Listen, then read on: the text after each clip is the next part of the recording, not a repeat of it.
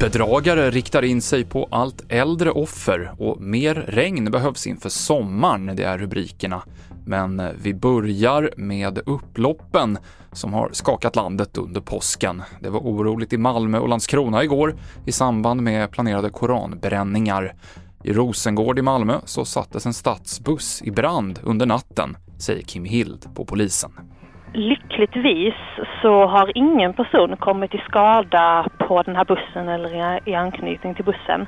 Ehm, det är väl någon typ av välsignelse får man nästan eh, kalla det med tanke på vilka skador som hade kunnat uppstå. Vi har alla sett den här bilden på, på den brinnande bussen då.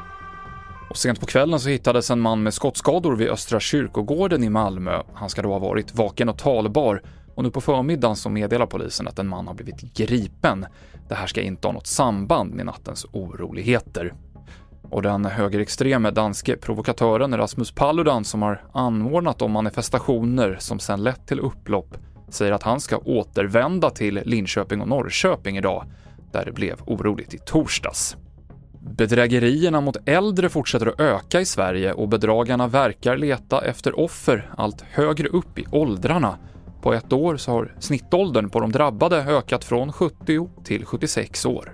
Ju äldre man är desto svårare blir ju tekniken i vissa fall och eh, där kan man ju då utnyttja den svagheten som finns hos en individ att inte ha den kunskapen och eh, på så sätt avlura den informationen man behöver. Det sa Magnus Lindegren, chef för bedrägerisektionen på polisen Väst. Ett längre inslag om det här finns på tv4.se. Och på flera håll i landet så är grundvattennivåerna låga efter att det regnat mindre än normalt. Sveriges geologiska undersökning bedömer enligt SR att det ser illa ut inför sommaren ifall det inte kommer mer nederbörd de kommande månaderna. Det gäller särskilt små magasin där personer med egen brunn tar sitt vatten och kommunala magasin i östra Svealand och på Gotland. Senaste nytt finns i appen TV4 Nyheterna. Jag heter Mikael Klintevall.